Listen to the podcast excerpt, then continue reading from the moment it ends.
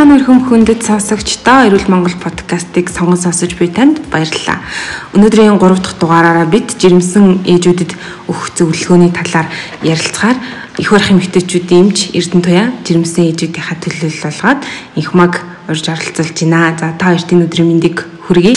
За тэгэхээр жирэмсэн ээжүүдэд маань маш олон асуудлууд тулгардаг. Дээрээс нь эмч нараас асуух асуулт байна. Асууж чадахгүй дотроо эргэлзэж бодож явдаг тий. Интернетээс өөрсдөө хайлт хийдэг маш олон сэдвүүд байдаг. За мөн дээрээс нь би сонсогчдоос Facebook пэйжээрээ дамжуулаад асуултуудыг авсан байгаа. За тэгэхээр хамгийн ихний асуулт маань жирэмсэн үеийн хоолтын зөвлөгөөг ээжүүдэд маань өгөөч.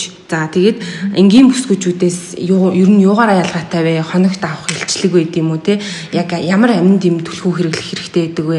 Мөн дээрэс нь жирэмсэн ээжүүд маань ямар хооллыг хориглох шаардлагатай байдаг вэ? Энэ талаар За жирэмслэхэд бол эмэгтэй хүний бүх эргэтэн тогтолцоонд нийлээд өөрчлөлт гардаг. Эдгээр өөрчлөлтүүд нь бол эхийн хөвлөд байх уураг, хэвийн өсөж байж шаардагдж байгаа хүчил дөрөгч, уураг, нүүрсээс өөхтөс давас, амин дэм болон бусад бодисууд нь эхийн цусанд орж ялгаруулах эргэтнүүдээр нь дамжаад гадагшлах болон төрөлд хүндрэлгүй явагдах мөн төрсний дараа няраг хөхүүлэхэд бэлтгэж байгаа физиологийн үйл ажиллагаа юм аа. Ингэснээрээ олж ирэмсэн эмэгтэй биед нэмэгдэл ачаал үүсдэг. Үүгээрээ жирийн эмэгтэйчүүдээс ялгаатай байдаг. За тэгээд жирэмсэн үеийн хооллолтын байдал жирэмсний явц болон ургийн өсөлт хөгжилтөнд бол маш чухал нөлөөтэй байдаг. За тэгээд зөв хүнсийг зөв хэмжээгээр хэрэглэх нь бол таны хүүхдийн өсөлт хөгжилтөнд тусланаа. За хоол тэжээлийг буруу сонгох нь бол урагт сөрөг нөлөө үзүүлнэ.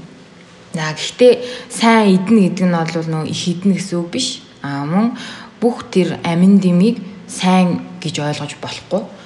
За тэгэхээр ямар хүнсийг түлхүү хэрэглэх вэ гэхээр ерөнхийдөө бол тийм шин жимс, хүнсний ногоо бүхэл бүрийн бүтээгдэхүүнүүд тослого багтай сүү, тараг ер нь уургалаг хүнс хэрэглэн тэрэн дундаа нөө мах, ван, дүү бүч юм уу. Аа тэгээд нэр төрлийн олшруулад өөрийнхөө дуртай идэх тэр бүтээгдэхүүнүүдээ л өөрөө нөгөө нэр төрлийн олон болгоод хэрэглэх нь бол зүйтэй. За тэгээд ямар хоол хүнснээс зайлсхийх вэ гэхээр ерөнхийдөө дутуу болгосон түүхий э, тийм бүтээгдэхүүнүүдээс л зайлсхийх хэрэгтэй. За тэгээд ерөнхийдөө дэлхийн эрүүл мэндийн байгууллагаас ер нь зөвлөсөн нэг тийм хортой хүнс гэж байдаг байхгүй. Тэрэнд бол одоо нөгөө өндөг ордог. За өндөг яагаад орж ийнэ вэ гэхээр их удцсан өндөг өндөг нь болохоор нөө салмонеллийн халдварын яг тээгч гэж үзээд тэгэхээр нөө өндөг авахтаа өндөгнийхөө хугацааг сайн харах хэрэгтэй. Хизээ яг ингээд гарсан өндөг вэ? Тэрийг асуугаад хэрэглэх хэрэгтэй. Аа тэгээд зайрмаг байгаа. Зайрмаг болохоор хугацаа нь их удцсан байдаг. Тэрийг болохоор хүмүүс мэдгүй ингээл авчдаг шүү дээ. 2 3 сарын өмнө ингээл үйлдвэрсэн зайрмаг байдаг. Аа тэр зайрмаг нь бас тэр халдвар үүсгэж юу үржээд ингээ таатай байж идэг. За тэгээд тэр нөгөө цохигдсон жимс байдаг шүү дээ тий. Яг тэр цохигдсон жимсний тэр зөөлөн хэсэгт бас ясаг бактерийн үржих таатай нөхцөл болцсон. Гэх мэтчлийн хүнсийг ер нь хугацааг нь маш сайн харж л ер нь идэх хэрэгтэй. Тэгээд хоолоо бас сайн болгож идэх хэрэгтэй. За баярлалаа. Би яг энэ асуулттай холбоотойгоор Healthline гэд сайтаас мэдээлэл бэлтгэж Facebook пэйж дээрээ тавьсан маа. Жирэмсэн ээжүүдийг хэрэгжилж болох хүмүүсний бүтээгдэхүүн гэсэн чи яг таны сайн хэлгээр а түүхэн хүмүүсний бүтээгдэхүүнүүдийг огт хэрэгжилж болохгүй мөн дээрээс нь өндөг эрсдэлтэй гэсэн а гарчтай сэдвийн талаар бичсэн байсан. За энэ дээр нэмээд их магийн зүгээс асуух асуулт байна уу? За ерөнхийдөө бол нөгөө жирэмсэн болоход ээжүүд за ногоо идэх нь зөв, жимс жимсгэн түлхүү идэх нь зөв. За махнасаа монгол хүн юм чинь те сайхан шөлөө угаад ингээд гээд мэддэг боловч нөгөө нэг жирэмсэн хүний чи өөрийнх нь хүсэл гэж байгаад байгаа байхгүй. Зарим нь амар гоё эсэглийн юмд хүсэл, зарим нь аягүй чихрлэг юм хүсэл, хуурай идэх юмд бас их орол те. Тэрнээсээ хамаарат нөгөө нэг ээжийн хувьд энгийн байдлаасаа мэдээж жин нэмэгч байгаа боловч идж байгаа бүтээгдэхүүнээсээ хамаарат жим бол янз янз зарим хүн 10 хил зарим хүн 15 20 хил нэмж төрдөг те. Энэ жингийн талаар болохоор энэ хэдэн килограмм ер нь нэмж төрвөл хэвийн гэж үздэг юм бэ. Тэгээд их чин нэмэх нь бас төрөхөд нөлөөлөх үү хүндрэлтэй гэдэг талаар Яаж өгөөч. Яагаад бас яагаад юм гэхээр маа нэг э, найз болохоор сая Японд төрсэн байхгүй. Тэгээ тэнд болохоор Монгол байдгаас илүү яхаа зөвлөгөө энэ төр нь болохоор их ерөнжийн нэмээд хэрэггүй гэж үздэг юм байна. Аа ер нь бол хэвийн 10 кг нэмж төрсөн. Тэгээд тэгээд эхлэнгүүт нь хяналтынх нь нэмж болохоор За ингэж их чинь нэмж төрөхгүй ер нь болохгүй шүү. Хүндрэлтэй төрдгөө гэж тайлбарласан гэж байгаа байхгүй. Танаад болохоор бас мэдээж эмгтэй хүн адилхан л байгаа байх. Гэхдээ ер нь бүр одоо эрсдлүүд нь юу байдаг юм бол энэ талаар манай хяналтын эмчнэр зөвлөгөө өгдөггүй юм билээ л дээ. Аа. За. За жирэмсэн их юу гэдгээс хамаарат мэдээж хэрэг жин нэмэгдэнэ. Аа одоо ингээд чихэр идмээр байна, торт идмээр байна гэл ингээл өдөр шөнөгүй ингээл ингээд нэхэд ийн гэдэг шүү дээ хүмүүс. Тэгэхээр одоо яг идэл хөвтөд юм бол мэдээж хэрэг таргална шүү дээ. Тэгэхээр яагаад таргалах вэ гэхээр бид орж байгаа тэр нөгөө илчлэг ихтэй хүнс нь ихсээд аа тэгээд хөдөлгөөн нь багтай. Жирэмсэн хүн чинь ингээл бас хөдөлгөөн баг штэ тэр болгоо ингээл алхаад байхгүй. Тэгэхээр эдгийнхээ хэрээр бас хөдөлжээвэл жин нэмэгдэхгүй. Аа яг тэр эдсэн зүйлтэйгээ ижил тэнцүү тэр илчлэгээ буцааж шатааж чадахгүй бол тэрийг нэг идээд баг хэрэггүй байхгүй уг нь бол. Аа тэгээд нэг өвчин эмгэггүй л байх юм бол аа ер нь хэвэндээ 10-аас 12 кг нэмж жирэмслээд төрөх нь хэвэн. Аа тэгэхээр одоо бол эхчүүд ерөнхийдөө бас ингээл 15 6 18 8 гэд нэмдэг болсон байхгүй. Тэр тэрнээс их. А тэрнээс бүр их ингээд бүр анхаарал татгаар нь тэр их байвал тэр чинь нөө эмгэг болоо явчихна а тэрийг нь бол хяналтын эмчнэр нь тайлбарлаж байгаа л баг тэгэхээр яг бид нар ч гэсэн юу зөвлөдгөө гэхээр ингээ барихын тулд идж байгаа хоол хүнсээ нөгөө одоо ийм цагаан гурилан бүтээгдэхүүн ч юм уу таргалуулах чанарын юм битгий дээрээ харин бүхэл үрийн одоо хүнс хэрэглээд байгаа шүү дээ тий. Тэгээд тэр жимс жимс нь бол яахчгүй шүү дээ. А тэр бүхэл үрийн хүнс ч юм уу тэр тэрийг төлхөө хэрэглэх юм бол зүгээр. А тэгээ яг тар таргалуулах чанарын юм а идээл хөвдөд байгаа юм бол их өөрөөж таргалан дотор нь ураг томорно. Хамгийн гол эрсдэл нь ураг дотроо том болчдөг болохоор төрөхөд хүндрэлтэй. Ерөнхийдөө бол 4 кг-аас дээш ураг ингээл хий хөвлөд байна гэдэг чи төрөхөд аюу хэцүү. Өөрөөрөө төрөхөд бүр хэцүү. Одоо ингээд төрлөө гэхэд мөр тэглэх ч юм уу. Ийм мөрний мөр тэглэлээ гэхэд тэгэл цаашаа мөрний сүлжээний гимтэл гээл ингээл гарын саадсан болчдөг байхгүй. Тэгэхээр том жинтэй хүүхэд байх тусам Тэгэхэд ч хэцүү, төрөхдөд ч ер нь хүндрэлтэй байдаг болохоор тэгж ярддаг. А Японд тэгж нэгдэг нь бол яг зөв. А Японд болохоор яг хүн жирэмслэл эхлэнгүүт шууд дэглэм барилчдаг байхгүй юу? аминд юм витаминын түлхүү хэрэглүүлээл тэгэл ногоо идэл бүр ингээд сойдог бүр. Тэгээд ерөөсөө л 2.5-аас бага жинтэй хүүхд гаргана гэж японочууд үздэг. Тийм болохоор Японд бол бүх эмэгтэй хүнийг жирэмслээл бол дэглэм байруулаад тэгэл ихийн хоолыг сойдог. Тэгээд тэр нөгөө витаминуудыг өгөөл тэгэл хоолыг сойчдаг. Тэгэл өөрөө ерөөсөө жин нэмэхгүй хин индэгдэл бага. Тэгээ ургийн тэр янз бүрийн хүндрэл байхгүй За нэгэнт идэж уух юмны талаар ярьсан дээрээ бас нэг ээжүүдийн уух дуртай нэг зүйлийн талаар асуух гэсэн юм аа. Дээрэс нь манай эмийн сан эмчнэр те жирэмсэн байхад хүчил төрөгчийн коктейл уу гэж маш их зөвлөдөг. За тэр нь яг ингээд миний бодлоор харахаар зүгээр ингээд өндөгний цагаан дээр алюминий жуус хийгээд дээрэс нь хүчил төрөгч өгдөг гэдэг нэг тийм хятадаас оруулж ирсэн машинд нөгөөдхөө сайхан хөөсрүүлээд зүгээр нэг сайхан хөөс уугаад байдаг те. Энэ хүчил төрөгчийн коктейлийг уугаад эмнэлзүүд гарсан үр дүн байдаг уу? За э, жирэмсэн болсон ээжүүдэд хүчил төрөгчийн коктейлийг эмчнэр зөвлөдөг байж сүүлийн үед татгалцсан байна. Энэ талаар та зөвлөгөө өгч хүчил төрөгчийн коктейл гэдэг нь бол э, үр дүнгийн судалгаагаар батлагдсан байгаа Аа тэгээд энэ сая хэлж байгаа шүү дээ жинийхэр нөгөө өндөгний цагааныг авлаа мавлаа гэд. Тэр чин тэгэл мөн л нөгөө өндөгч юм байж байгаа шүү дээ. Тэгэхээр нөгөө бактери авах, бактерийн халдвар орох эрсдэл бас л нэмэгдээд л явчихна гэсэн. Нэмж асуух асуулт байна энэ коктейлэн дээр. За коктейлэн дээр бол ерөөхдөө ойлголоо. Би болохоор одоо яг нөгөө хэлж байгаачлан ер нь юу эмисан эвлэг гэл ер нь л одоо баг захмах дээр ч явж байхад хүчил төрөгчийн коктейл зарж байна гэж байж идэг шүү дээ тий мянган төгрөг мөгрөг гэл. Тэгэд ер нь бол уугаад э, бас дими юм би бас бодоод байсан юм а энэ ингээд нөгөө энэ тийм дууж үзэнгүүт амт нь өөр зарим нь ингээд лалимны төрөлтэй юу юуны төрөлтэй ч амт нь өөр зарим нь ингээд шингийн ихтэй зарим нь хөөс ихтэй янз янз байгаа гэдэг байхгүй юу? Тэгээд за ядаж имлгээс уусна арай дээр болов имлэг имлэг дээр явж байхдаа уучаад идэв байсан. Тэгэл ер нь бол хэрэггүй зүйл байна гэдгийг бас та хоёрын ярианаас ойлгож байна. За. За дараагийн асуулт маань юу вэ гэхээр одоо манай ээжүүдэд озон имжлэхий гэдэг юмыг аюу хийхээр имлгүүд сурталчилдаг болсон байна. За дээрэс нь озон имжлэхийний үр дүнгийн талаар эмчнэр бас их ярьдаг болсон байна. Тэгээд бүр Монголын озон эмийн бус имжлэхийний нийгэмлэг гэдэг байгууллага хүртэл байд юм байна. Тэгээ энэ имжлэхий ер нь ургийг альва тархины даралт тэгээл нөгөө жирэмсний эрт олон хажуугийн хордлого жирэмсний бүх хүндрэлээс сэргийлнэ гэсэн юм сурталчилгааг явуулаад байгаа хгүй. Энэ юу н хэр бодтой мэдээлэл вэ? Энэ дээр яг нөгөө Монгол улсад бол дэлхийд хийгдсэн судалгаа байт юм болов энэ талаар таны бодол. Аа. За ерөнхийдөө энэ азаа имжлэгээ гэдэг нь бол ер нь үр дүнтэй гэдэг нь батлагдсан ийм судалгаа байгаа. За энийг бол оруулж ирээ хэрэгжилж байгаа. За ерөнхийдөө ямар зарчимтай вэ гэхээр озон имжлэгийн цусыг хүчил төрөгчөөр хангаад цус шингэлэх, дархлаа сайжруулах, цусны эргэлтийг сайжруулах, нөхөн төлжилтийг сайжруулах, мөн өрөвсөл дарах, өвчин намдах, тэр цуснд байгаа ням бактериудыг устгах үйлдэл үзүүлдэг.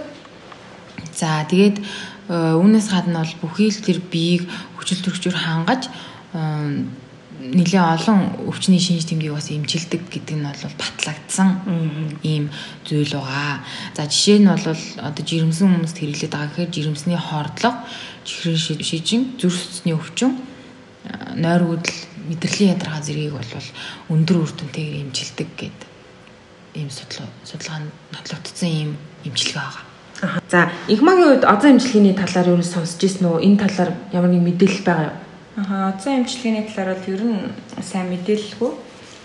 Тэгээд та хоёрын ярианаас л их зүйлийг сонсож суунда. За. Тэгэхээр жирэмсэн ээжүүдэд маань озон эмчилгээг шаардлагатай мөн жирэмсний эрт хожуу үеийн хордлогоос сэргийлдэг гэдгийг батлагдчихсан юм байна. Би бас энэ дээр эргэлдээд исэн байхгүй юу? Яг за, дээрэс нь бас нэг ээж нарын дунд тодруулах шаардлагатай нэг асуудал байх шиг миний харж байгаагаар би болоо өөрөө жирэмсэн байд болж үзээгүй ээж биш учраас сайн мэдэхгүй байна. Гэхдээ эмч хүний үднээс анзаараад хахад Америкаас манай Монголд нэг шингэн хүчил төрөгч гэдэг нэг зүйл ороод иржээ. Эмийн сангуудаар 60 мянга 70 мянга гэх худалдаалагддаг юм байна.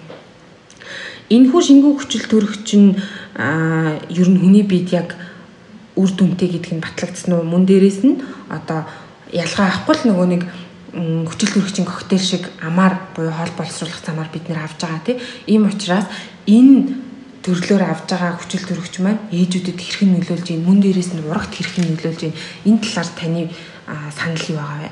Аа. За энэ шингэн хүчил төрөгчийн хувьд бол Америк нэгдсэн улсад хийгдсэн судалгаагаар бол батлагдсан. Энэ нь бол үр дүнтэй гэдэг нь батлагдсан байгаа. За Монголд орж ирсэн байгаа. Аа тэгээд ерөнхийдөө бол Монголд хийсэн судалгаа байхгүй. Гэхдээ яг ингээд бид нар ингээд практикт ингээд хэрэглэхэд бол айгүй үр дүнтэй байгаа. Эхоогоор одоо хүмүүсийн хянаад хүн судасны доплер шинжилгээ хийж байгаа. А тэрэн дээр бол нөгөө өөрчлөлттэй гараад байгаа хүчил төрөгчийн дутагдaltaй байгаа гэсэн тийм хүмүүсээ шингөө хүчил төрөгч ингээ хэрэглүүлж байгаа байхгүй. Тэгэхээр хэсэг хугацааны дараа ингээд бид нар тэр ирнэ шүү дээ тий. Тэгэхээр буурцсан ирээд байгаа юм одоо тэр нөгөө эрсдэлтэй байсан үнэлгээ маань үнэлгээнд буураад хэвийн байдалд орчоод ирээд байгаа байхгүй. Тэгэхээр бид нар бол одоо нэг судалгаа байхгүй ч гэсэн практикт аягүй үр дүнтэй байгаа гэж үзэж байгаа. Ийм зүйл байгаа. Тэр гэхдээ одоо бид чинь жирэмсэн ээжүүдийн хувьд бол нэг ингээл бүх юмаа хяналтын эмчээс асуухгүй ч гэсэн нөгөө урдан жирэмсэн болж исэн найзууд төрсэн байгаа найзууд ингээл тим юм ингээл эмгтээчүүд ингээл хоорондоо аягүй ярилцдаг шүү дээ тийм. Тэрэн дээр маа нэг найз тэгжсэн байхгүй юу Ер нь бол энэ гадуур ягаад байгаа энэ хүчил төрөгчийн коктейл моктейл чинь ер нь үйлчлэлт юм уу худлаа юм шиг үлээ шүү дээ. Яг хөө шингэн хүчил төрөгч ууж ууж төрж исэн. Гэтэ тэр нь арай илүү дээр юм шиг л санагдсан гэж бол хэлж исэн байхгүй юу? Тийм. Тэр нь бол яг батлагдсан, судалгаар батлагдсан юм яваад байгаа байхгүй юу? А тэр хүчил төрөгчийн коктейл бол батлагдаагүй. Аха. Тэгэхээр ээжүүд маань шингэн хүчил төрөгчийг ууж болох нэ гэдэг санааг эндээс авж ин үр дүн гарсан жирэмсэн ээжүүд маш олон байгаа юм байна. За өөр инхмагийн зүгээс асуух асуултууд юу байна? Эмчээс мань авах зөвлөгөө юу байгаа вэ? А нөгөө бамбаа улчирхайн шинжилгээ гэж байдаг шүү дээ тий. Тэр шинжилгээг болохоор жирэмсэн эхчүүд одоо заавал өгөх ёстой байдгүй. Өндөр болон бага байгаа нь ямар үр дүнтэй вэ? Ямар эрсдэлтэй байдаг вэ? Тий. За бамбаа улчирхайн шинжилгээ болвол жирэмсээ их болго албагүй. Аа яг хяналтынхаа юмч үзээд яг энэ хүн ингээд яг энэ бамбай болчихын эмгэг тэг хүмүүс бас янагдаж байгаа шүү дээ. А яг тийм хүмүүстэй бол өгөөд өгөөд явж болно. А жирэмсээ их болгоныг заавал өгөхгүй. Яагаад гэвэл энэ бамбай болчихын дааварч өөрөө жирэмснийхаа 1 2 3 дугаар триместрүүдэд ингээд ялгаатайгаар өсөж буураад ингээд физиологоор ингээд явдаг.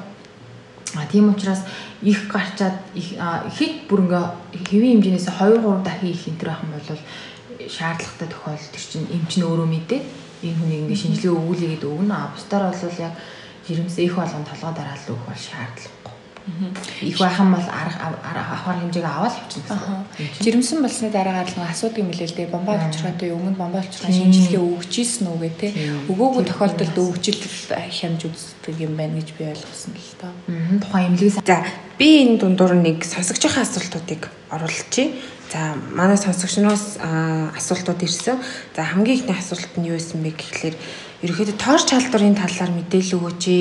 Жирэмслэхээр төлөвлөж буй эмэгтэйчүүд энэ шинжилгээг заавал өгөхгүй юу? Өхийн ач холбогдол нь юу гэдэг вэ гэсэн мэт. Тэгээ нөө зарим ээжүүд маань тоорч халдвар гэж мэдгүй байгаа.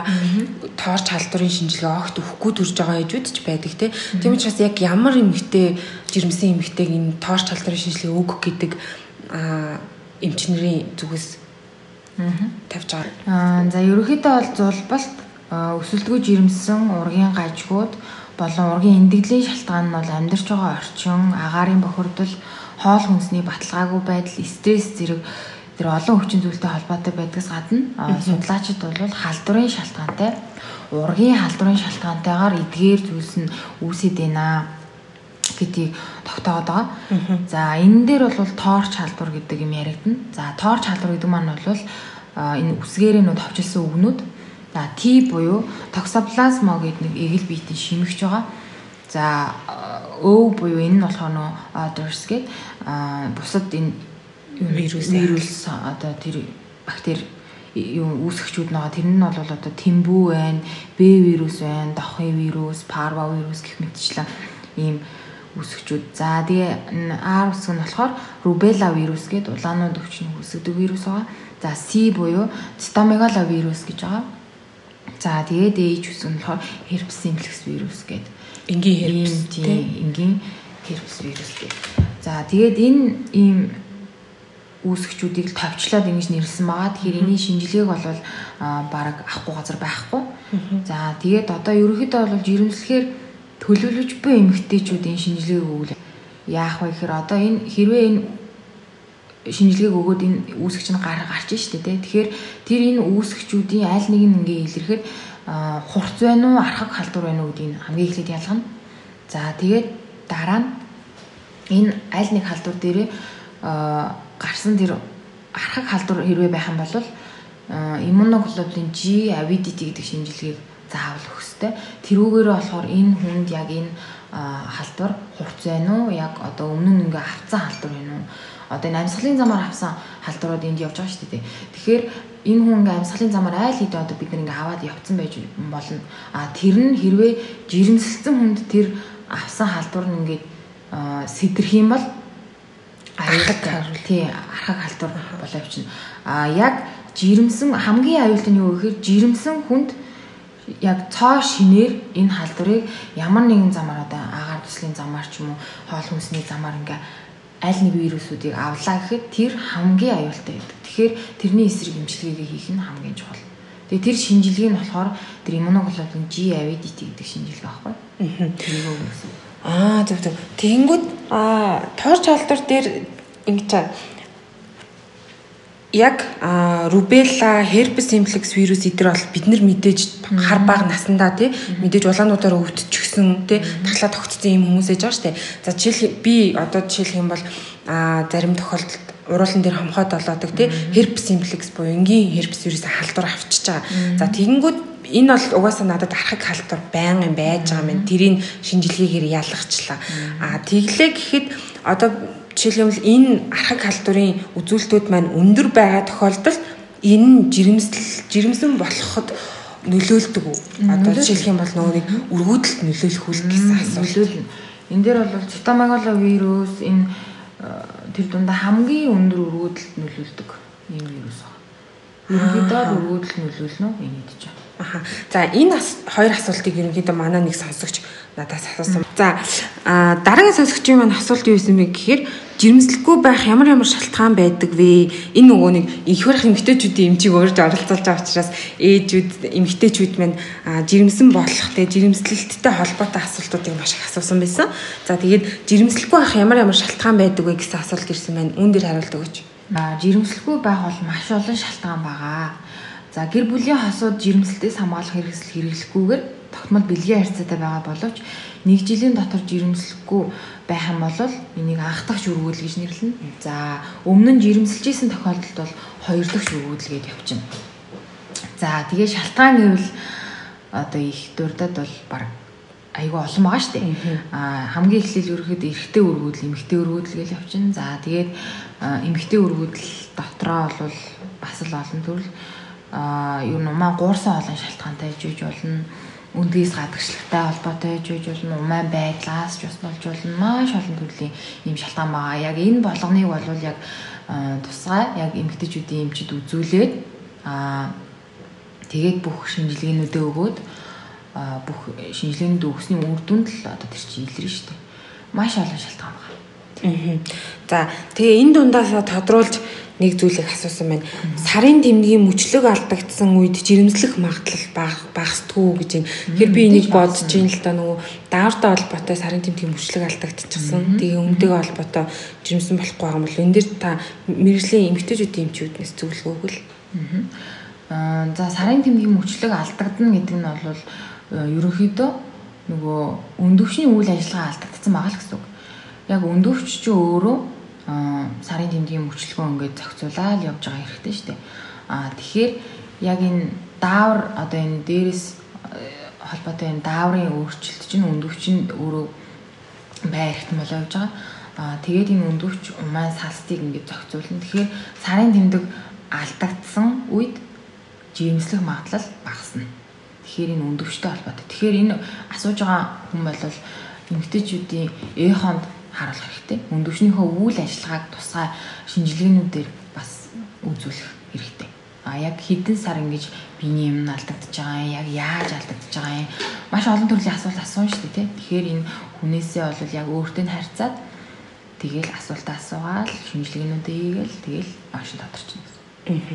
За сүүлийн үед болохоор нөгөө нэг жирэмсэн ээжүүд маань жирэмсний йог, жирэмсний барай гэл хэцүүлүүд байдаг болсон байна те. Тэрийг ингээд сонирхоод ер нь их явж л байна л да. Тэгэхээр яг эмчийн юм нөгөө хориглох заалтгүй бол 3-аас 8 сартай ч юм уу 3-аас 9 сартай төрөн төртөл тэр ээжүүдийг явж болохыг зөвшөөрд юм байна. Йогийн газрууд бол тэг яг йогд явах нь өөрөө ямар үр дүнтэй байдгийг Аа тэгээд йог дасгалт хамрагдж жагаад төрж байгаа ээж а энгийн дээр сайхан ингээд ажил төрлөө хийгээ ч юм уу тий хэвэн байдалтай явж байгаа төрж байгаа ээж хоёрын ер нь ялгаа байна уу? Йогд явснараа төрөхөд нөлөө үзүүлдэг үү? Йогийн бол хамгийн чухал юм тэр амьсгал тэгээд их төвчээрийг ингээд өөрөө өөртөө суулгачих юм бол төрөх орон дээр очиод ээжүүд хамаагүй энгийн хүнээс арай өөр байдаг гэж би бол ойлгоод байгаа байхгүй тэгэхээр тэр яг ингээд практик дээр эмнэлэг дээр ингээд нөлөөлж гинүү гэдгийг асуумаар байна За жирэмсний йог бол сая хэлсэн шүү дээ те 3 сараас эхлээд ерөнхийдөө төрөнд хүртэл нь яв гэж зөвлөдөг.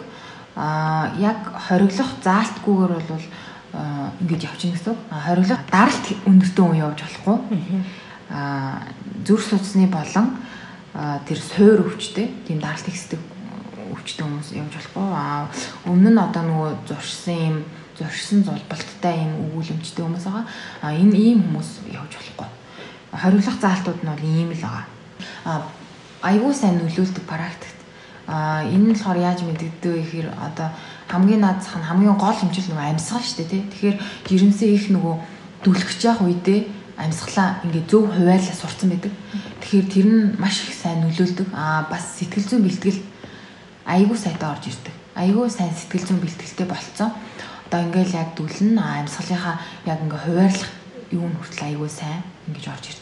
Тэгэхээр нөгөө аль булчингаа яаж яаж хизээ ингэж чангалах уу дүлгэд одоо энэ арцгийн ороолын булчин энэ мэн гэдэг одоо ингээ ерөнхийдөө бас тэр мэддэгтүүнүүд өөрсдөө авцсан байдаг болохоор ер нь айгүй үр дүнтэй шүү. Гэхдээ ингээд йогт ингээ хамрагдж байгаад одоо ингээд за би 50 байх хэвээр одоо би жишээ нь явахт явж байхгүй. За би ингээд төрөхтэй бэлж байгаа 50 байх хэвээр амьсгалаа зөв хуваарлах хэвээр одоо ингээд хийж байгаа дасгалууд нь дандаа наарцаг юу ингээд чангалаа суллаа тий. Тэнгүүт яг ингээд өмнөх найзууч дээр явахт явж исэн өнөөс тэр хийж байгаа нь болохоор айгүй их сандарн хилж баршгүй чи өвдөлтөд тулгарна тэг заримдаа баг нөгөө яаж амьсгалахаа чи өөрөө мартцсан байна? гэж хэлээд байгаа байхгүй тэгэл хамгийн гол нь тэр үедээ 50 эмчээ сонсох юм байна л гэж би ойлгоод байгаа. Тэгэхээр Тийм жиха яг зааврын дагуу. Одоо дүлээрээ одоо ингээрээ гэл тэгэхэр чинь мэдээж сонч чухал юм шиг байна тийм сонсоол тэгэл өөрөө тайван өөрөө сэтгэл зүгээ сайн бэлдээл тэгэл мэдээж хэрэг өвдөн аа тэгээд тэгэж өвдлөө гэдэг угаасаа хүн өгөхгүй юм чинь. Тэгэл хүн болго энэ өвдөлтийг чинь мэдрээл төрж байгаа. Тэгээ би ч гэсэн өөрөө төрсөн. Тэгэл одоо ер нь өвдөлт чинь тэгэл төрсний дараа мартагдчихна. Бүгдээ хараад мартчихна тийм. За баярлаа За дахиад нэг юм асууя. Энэ нөгөө суугаа ажил их одоо удаан хугацаагаар хийх нь урах дөрөв нөлөөлдгүү. Тэгээд нөгөө суугаа ажил ч дийлэгтэл компьютертэй харьцаж байгаа. Тэгээд компьютер гар утасны хэрэглээ гээ ер нь бол хянах хэрэгтэй гэж мэдж байгаа боловч тэгээд ажил учраас тэрийг ингээл хийгээл байж идэг. Тэгээд хит суух нь өөрөө бас энэ тонус монусандаа нөлөөлт юм болов тэрийг мэддэг гэж. За ерөөхдөө суугаа ажил ч юм бол аюу хэцүү шттэ. Жирэмсэн үнд ялангуяа ингээл сар томроод ирсэн үед айгүй хэцүү байдаг. Аа яг энэ үед бол урагт нэг хортой юм бол байхгүй. А яг нөгөө хөдөлгөөн нь жоохон одоо томорцсон үед жоохон хэцүү гэж болно. Тэр тийм хүмүүст бол юу зөвлөх вэ гэхээр нөгөө босоод жоохон ингээл нэг цаг болоод босоод нэг жоохон нуруу мурууныхаа чилээ хөшөө гаргадаг ч юм уу баг зэргийн дасгал юм энгийн ийм зөөлөн зөөлөн ийм хөдөлгөөнүүдийг хийгээл Тэгэл суугаал ажиллахаас өөр одоо яхав тийм өөр яг тэр хүмүүс чинь тэгэл 8 сар хүртэл ажиллана шүү дээ. Тэр ажил дээр. Аа тэгээд утас тэр Wi-Fi-ны нөлөө бол байдаг. Тийм судалгаа зөндөө байгаа. Тэгэхээр тэр тэдгэрийг одоо ядаж ингээд одоо ингээд бүх газар Wi-Fi толцсон байгаа шүү дээ. Тэгэхээр хязгаартай өөрөө ингээд утасныхаа Wi-Fi унтраагаад ч юм уу гэрийнхээ Wi-Fi-г заавал унтрааж унтчих хэрэгтэй. Гэртээ ингээд шүүн бас хасаалтаа унтрах шүү дээ Тэр Wi-Fi-ны нөлөө бол ер нь нөлөөтэй гэж судлагдсан байгаа шүү дээ тийм. Сүүлийн үед одоо аюу тэр шилэн юу ингээ хөгжиж байгаа. За зочны зүгээс сүүлийнхээ асуултыг асууя. Тэгээд жирэмсэн байх хугацаанд болохоор энд бэлгийн харьцаанд ер нь орж болох уу мэдээж яг болохын үед болно. Энэ нь болохоор энэ дээрээ юуг анхаарах хэрэгтэй байдیں۔ Урагт ер нь нөлөөлт юм уу те. Ян янзаар боддог байхгүй хүмүүс ингэж болчаал болох болов уу гэж нөхөрнч бодоол, эхнэрэнч бодоол те. Тэгээ энэ талаараа ерөөсөө хүн амьтнаас асуудгүй. Тэгэл найз нөхдөсөө ч юм уу дамдамаа нэмчээсээ ерөөсөө ярилцдаггүй. Тэгэхээр энэ талаар зөвлөгөө өгөөч ээ жирэмсэн ээжүүд нь. За жирэмсний эхний саруудад заавал хориглох шалтгаан байхгүй жирэмсний хэвийн тээлттэй байгаа ямар нэгэн хүндрэлгүй одоо тэгээд явж байгаа хүмүүст бол бэлгийн амьдралаас татгалзах ямар ч шаардлага байхгүй. Аа тэр заавал хориглох шалтгаан гэдэгт нь юу орох вэ гэхээр яг эхлэний 3 сардаа бол өмнө нь зулбаж байсан, дутуу төрж байсан. Аа ийм үед бол тохиромжгүй. Аа харин дараах тохиолдолд бас сөрөг нөлөөтэй байх талтай. Энд нь юу орох вэ гэхээр ихэр жирэмслэлтэй өмнө нь золбож байсан. Тэгээл дутуу төрж исэн. Умаа үзүний дотморшилтай, ихс төрүүлттэй мөн яг нөгөө тонустай байгаа. Одоо умаа булчингийн чангаралтай байгаа гэсэн үг шүү дээ тий.